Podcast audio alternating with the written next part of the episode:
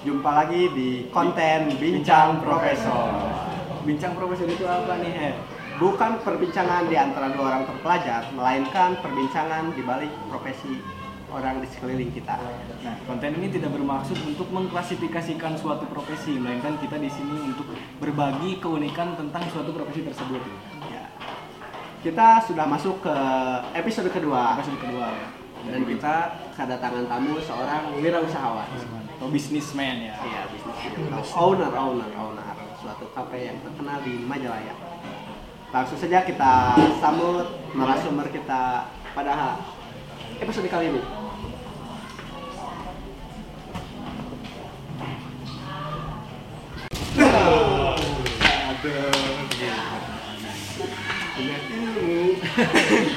Sebelumnya boleh diperkenalkan dulu nih. Ini narasumber kita itu siapa namanya? Nah, bergerak di bidang apa? Boleh? Boleh. Boleh. Silakan Ya, perkenalkan. perkenalkan nama saya itu biasa dipanggil Abah Mici. Saya mempunyai usaha di bidang kuliner kafe. Nama kafenya apa? Nama kafenya itu sudah terkenal sih di Majalaya. Permen H. Bukan pak. Nama kafenya itu eh, Warung Japsun biasa disingkat. Oh, yang suka dipakai open mic itu parah ya? Iya iya. Pertama-tama sebelum menjelaskan tentang profesi, kenapa sih bisa dipanggil Abah Mici? Oh. Panggil itu berasal dari mana?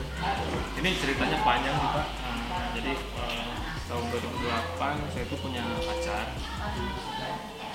Namanya nggak usah disebut ya. Jangan dong sebut. Boleh disebut. Tapi kita nggak peduli juga. Iya. jadi saya dulu pacaran kan biasanya kalau pacaran suka ada eh? Panggilan saya. panggilan saya. Kita tuh pengen beda dari yang lain. Enggak mau bapak mama ayah bunda. Kita panggilnya ambu abah. Gitu. Dari situ pacaran putus Eh, tapi nama abahnya udah melekat gitu di diri saya. Jadi saya mulai dari saya ah, udah aja. Jadi sebelum Ambu yang ini ada Ambu yang Ada sebelum. Ambu yang- ada demisioner Ambu. ada ada. Jadi masa lu masih melekat di apa? ya sampai kapan tuh? Terus Mici itu tersendiri dari oh apa? Michi ini sejarahnya lebih panjang lagi jadi dulu waktu saya SMA itu ada salah satu film anime. Yang pasti bukan film anime yang nggak bener ya. Ya. jadi dulu tuh ada namanya tuh film namanya Slam Dunk. Ada salah satu Yang kerambol itu ya. bukan pak. Kalau Slam Dunk itu Prambon kalau yang Slam Dunk gimana? Tuh Berbagaya kan. Terus Nah, itu ya kalian mungkin ada yang tahu ya. Nah, di situ salah satu tokoh utamanya itu namanya tuh Hanami Sakuragi karena nama saya Hari nama saya aslinya Hari. Jadi saya suka basket saya suka eh, dipanggil panggil eh, si Hari Michi Hari Michi ya gitu. tapi setelah saya telusuri Michi itu punya arti yang bagus ternyata. Apa tuh? Artinya itu soleh. Jadi sekarang pas banget kalau eh, walaupun saya belum tua tapi disebut abah.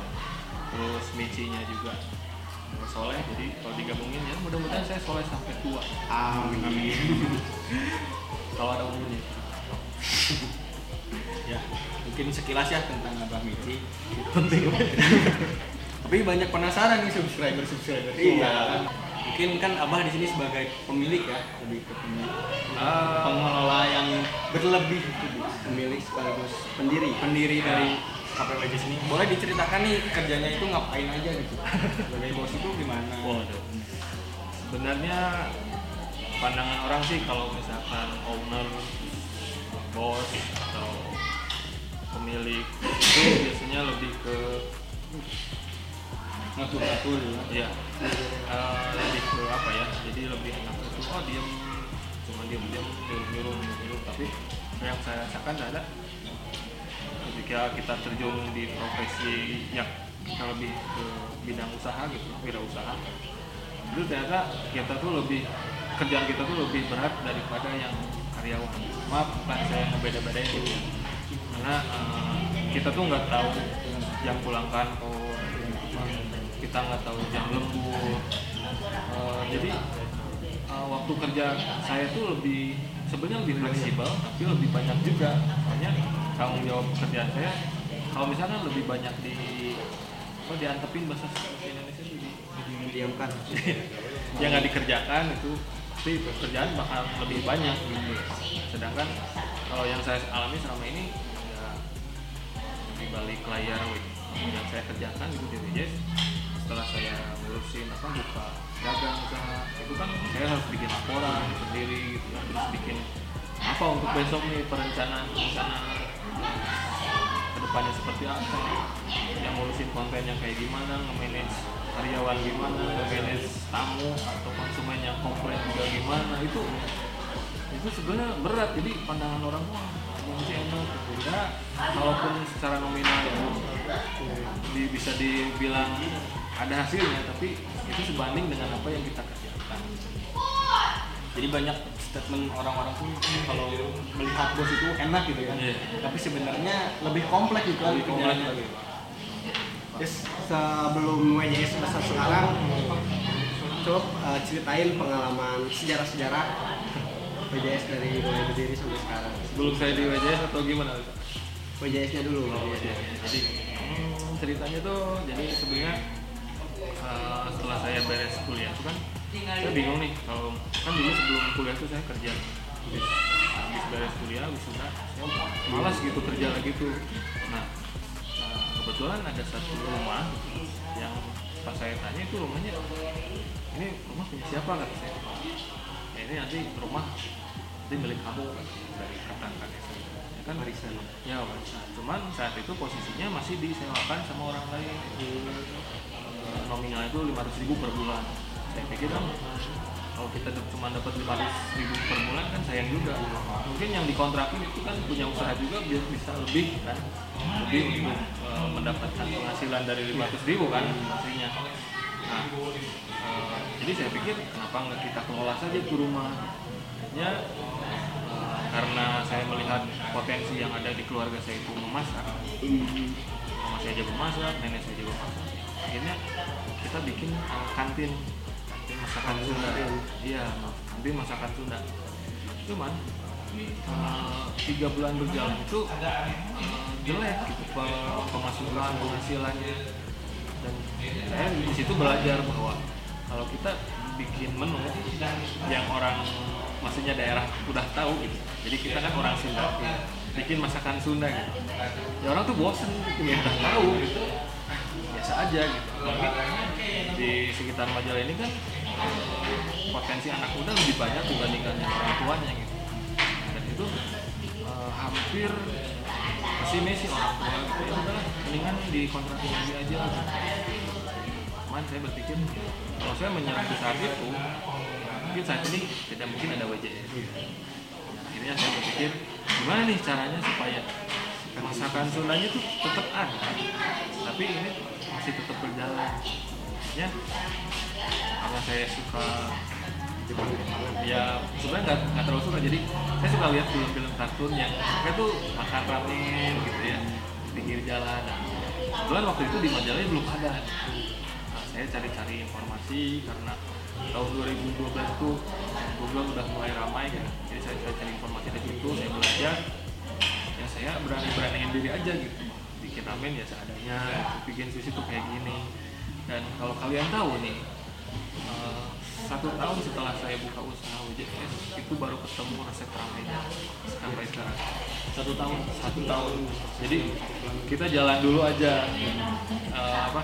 Cobain cobain dulu nah setelah satu tahun baru kita eh, saya punya resepnya yang khusus itu sih sekelas eh, awal-awal membangun WJS gitu Pak.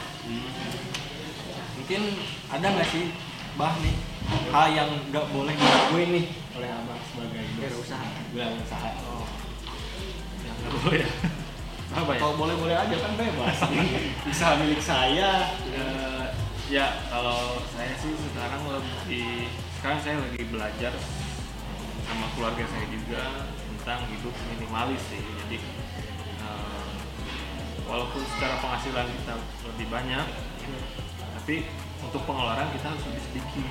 Jadi, eh, sekiranya yang eh, perlu dibeli itu tidak terlalu penting ya jangan dulu dibeli gitu. Apalagi ya terus intinya ya kalau usaha sebenarnya lebih bagus jangan pakai hutang. Jadi eh, saya punya pengalaman di, tahun ketiga nih saya terjerumus dan WJS ini hampir-hampir bangkrut. Jadi sekitar tahun 2014 cuman karena alhamdulillah keburu sadar gitu, jadi eh, hampir 2 tahun 2015 kita baru beresin semuanya. Dan jujur aja tahun 2016 itu saya baru merasakan penghasilan saya yang bener-bener oh ini hasil jerih payah saya.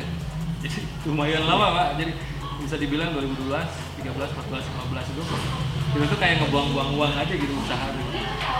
Terbaikkan tahun 2000 Nah, yang baru terasa itu tahun 2016 akhirnya ya alhamdulillah kan mungkin teman-teman juga bisa lihat perubahan-perubahan di wajah seperti apa. Itu eh, sombong Pak. enggak ya pak? Ya seperti itulah. Jadi nah, yang hal nggak boleh dilakukan ya intinya itu usaha sih nggak usah pakai utang Bagusnya Ada tuh aturan-aturan khusus nggak bang? aturan untuk ke saya atau ke karyawan atau ke Mungkin aturan di WJS nya nih, misalnya buat buat pelanggan, buat boleh apa nih pelanggannya? Mau makan di luar kan kayak oh dulu kalau pernah ada yang lagi ada acara di WGS tapi makannya di Padang. saya baru tahu itu. Bapak tahu dari mana itu pak? Oh, teman saya. nih. saya juga ikut.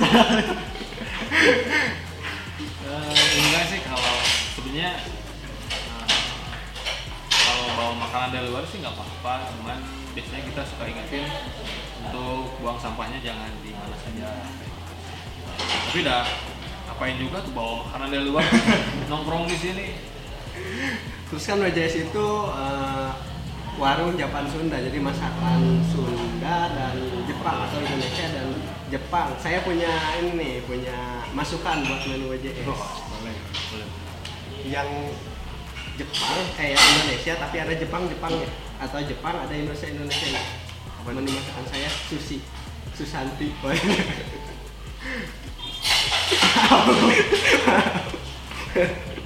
Oke, oke. Itu hal yang tidak boleh dilakukan ketika ngisi konten ya. Saya berekspektasi tinggi. Terus eh, apakah profesi ini merupakan cita-cita abah dari kecil? Oh ya, ngomongin profesi. Sebenarnya lucu juga sih. Eh, saya tuh dulu cita-cita tuh suka gonta ganti pak. Gonta ganti ya saya. Jadi kalau misalkan lagi nonton apa, saya jadi pengen jadi kayak gitu. Dulu saya nonton film tidur, Pengen jadi sarjana. pengen jadi insinyur. Oh nanti saya jadi pengen insinyur. Nonton film Pocong Mumun pengen jadi pocong. Terus saya juga waktu itu lagi rame David Copperfield yang sulap-sulap. Saya takut dengan setan ya. Iya, saya sampai pelajari bikin apa sulap. Saya pengen jadi pesulap nanti bu. Ibu saya tuh. Dan sebenarnya ketika terjun di wirausaha tuh eh, ada rasa sakit hati juga sih. Gara-gara Gara-gara ya, ya namanya cewek gitu. ingin Biasa jadi- membuktikan. Nah, ya gitu lah. Jadi ada ada unsur-unsur. Nah, jadi pernah jadi sulap juga gitu gara-gara David Copperfield. Terus karena sebenarnya eh, pas sebelum lagi kuliah tuh kan saya kerja gitu ya melamar ke mana ke mana jadi saya tuh dulu kerja malah bayarin untuk kuliah doang. Jadi kuliahnya enggak tapi dibayarin. Karena saya banyak sibuk di kerja. Ya, kuliahnya nggak Nggak. keteteran kerja. akhirnya dipikir-pikir kok kayak gini gitu. Ya udahlah. Akhirnya saya lepas kerja satu tahun saya beresin kuliah saya beres. Dan setelah itu saya pikir saya bosan gitu kerja. Ah kerja lagi males gitu kan Nah, ijazah juga buat apa? Gitu katanya tuh. Dan eh, akhirnya apa nih eh, waktu itu ya eh, saya mikir-mikir apa nih yang harus saya lakukan supaya saya bisa dapat penghasilan? Nah karena ya, karena ibu saya itu sering masak itu Iya, masak blend masak tiap tahun eh, tiap lebaran tuh mau bikin oleh oleh saya pikir ini kalau dijual kayaknya dapat bagus nih. Awalnya dagang oleh Nah, akhirnya dagang oleh di Car Free Day Bandung. Oh sebelum tadi cet- di kantin itu awalnya di kartu di kartu ya gitu. Car Free Day ikut pameran-pameran kuliner kayak gitu di Trans 7 pernah Trans 7 Trans 7 acara MotoGP jadi ada booth-booth kulinernya tuh relate sekali Valentino Rossi. mancing mania Valentino Rossi sebelum balapan dia makan dahulu. Nah, itu sponsornya waktu itu saya ingat Dahlia Radio Dahlia di Bandung di Day. ya Day Nah, setelah itu ya akhirnya dapat tempat ini jadi apa nih?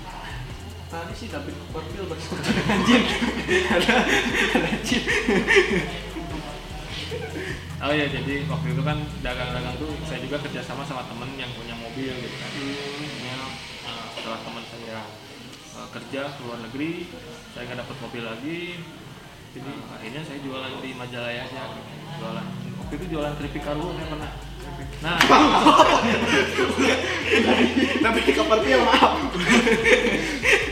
Ada gangguannya dari tadi sih nyebut-nyebut karuhun karuhun datang karuhun enggak, enggak, enggak, ini ini benar. Tadi Jadi ceritanya nih, waktu saya jualan keripik kargo, kan orang lain tuh pakai mobil. iya. Karena saya nggak punya mobil saya jualnya pakai motor Pak. motor gitu jadi oke itu. Tapi nah, saya beruntung dari situ. Ada satu perempuan datang gitu dia beli beli kritik karun saya. Terus nggak tahu apa gitu ada percikan percikan gitu terus ada yang nanya-nanya lewat. Waktu itu lagi rame BBM saya pakai WA saya udah pakai WA nanya-nanya siapa siapa gitu. Nah, akhirnya kenal kenal deketin deketin. Satu tahun berjalan saya nikahin dia. Gitu. ambil sekarang.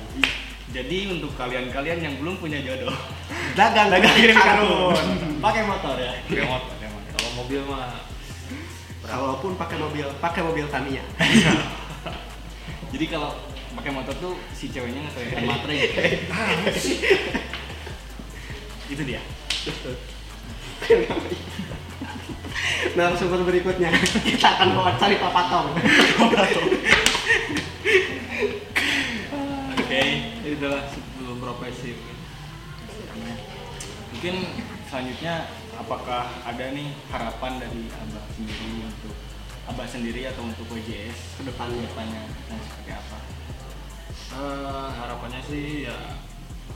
Em, BJS nanti walaupun tanpa saya itu bisa di bisa berjalan sendiri gitu. Karena saya pikir juga saya nggak mungkin terus-terusan ada di WJS di balik layar WJS harus ada regenerasi gitu kan. Eh, dan harapannya juga eh, nama WJS ini bisa berubah. Jangan dirubah lagi pak.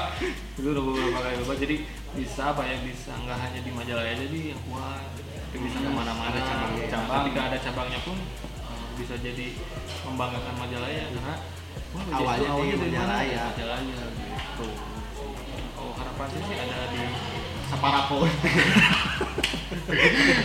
Majalaya ya. Majalaya kan ya. itu terlalu dekat pak Bojong Rengas teh apa sih? ini yang lainnya beda ya harapannya ya, saya sih punya cita-cita ada di karena saya pernah ke Mekah waktu itu. Jadi di Mekah. jadi nanti pas karena saya juga terinspirasi sama bakso apa sih yang yang enggak maksudnya yang Haji Sulam. Punya ada tuh. Dia eh, beliau orang Indonesia jualan bakso. Tapi sekarang ada cabangnya di Jeddah di Jeddah. Jadi saya oh, pengen nih kan orang Arab tuh nggak tahu sushi tahunya tuh yang kebab Turki gitu gitu. Sushi belum ada. Doain mungkin teman-teman nanti yang punya banyak uang terlalu banyak uang boleh kita kerjasama. Saya punya konsepnya anda punya uangnya kita satukan. Jadi banyak. Merger merger. manajer misal WJS nanti dengan Ciput jadi apa tuh? Saya punya temen yang bisa ciput. Ciput. Oh, bisa, bisa, dan mungkin jadi tuh? merchandise WJS nih Ciput put merchandise-nya ada logo WJS Jadi selain mendapatkan makanan ada juga untuk penampilannya Ya, gitu. mungkin nanti eh, ada yang 10 kali lo beli sushi itu dapat Ciput Ciput WJS. WJS. Menarik tuh Iya, ada. bagus sih, bagus WJS daripada Pulan Store. ya WJS, tahu nama apa itu asing. Si Pulan biasanya kan juga ada. ya. Biasa biasa ada di ceramah sih Pulan. Pulang kan biasanya Pulan mah jadi contoh-contoh nu Jelek. buruk. Haji Pulan. Ah, terus ah, pesan Abah untuk pemuda-pemuda yang ingin jadi wirausahawan. ini sering ditanyakan kalau saya diwawancara untuk Ganti pertanyaan. sering, sering kan ganti. tugas-tugas kuliah mereka tidak tahu. Pesan-pesan Abah untuk anak-anak muda yang masih mabok cium. buat teman-teman yang suka mabok ciu tolong ganti dengan arcil Oh, iya. Enggak, enggak maksudnya ya saya sayang sekali sih kalau melihat eh, banyak pemuda-pemuda sekarang yang lebih banyak mengamburkan uangnya. Ya maksudnya mengamburkan uang dengan hal yang positif itu bagus, tapi kalau mengamburkan dengan hal yang tidak bermanfaat itu sayang sekali kalau misalkan kita di apa di, dijadikan modal kan biasanya pertanyaan pemuda tuh saya pengen usaha tapi nggak punya modal padahal saya Oh iya, tapi nanti bisa si pemuda itu usaha dagang cium. ciu nih pak bulan beli sensor nggak sensor Aci cau, aci cau. Sunda juga kan? Sunda cium. nanti ada menu di wajah ciu ya pokoknya eh, jadi eh, mumpung lagi muda gitu jadi apa lakukan hal apa pun gitu ya kalau misalkan pengen kerja ya kerja aja dulu gitu. nanti hasilnya ditabung buat modal usaha itu bisa yang penting eh, jangan sia-siakan masa muda kamu dengan hal-hal yang tidak bermanfaat saya juga masih muda cuma gabutnya aja Quote of the day. Apa tadi dah? Jangan sia-siakan masa muda kamu sebelum nanti tua. Iya. Saya juga rambut masih muda. nanti aja di reply Jadi, eh, sekian bincang profesor pada episode kali ini. Semoga kalian termotivasi ya untuk Iya, menjadi jadi wirausahawan seperti Abah. Bagi teman-teman yang ingin memberi masukan selanjutnya kita mengundang profesi apa silakan komen Dan jangan lupa untuk like dan subscribe channel kita Stand Up Ciparai. Saya Afdar. saya Heri. Saya Bamici udah. Salam. Bincang profesor.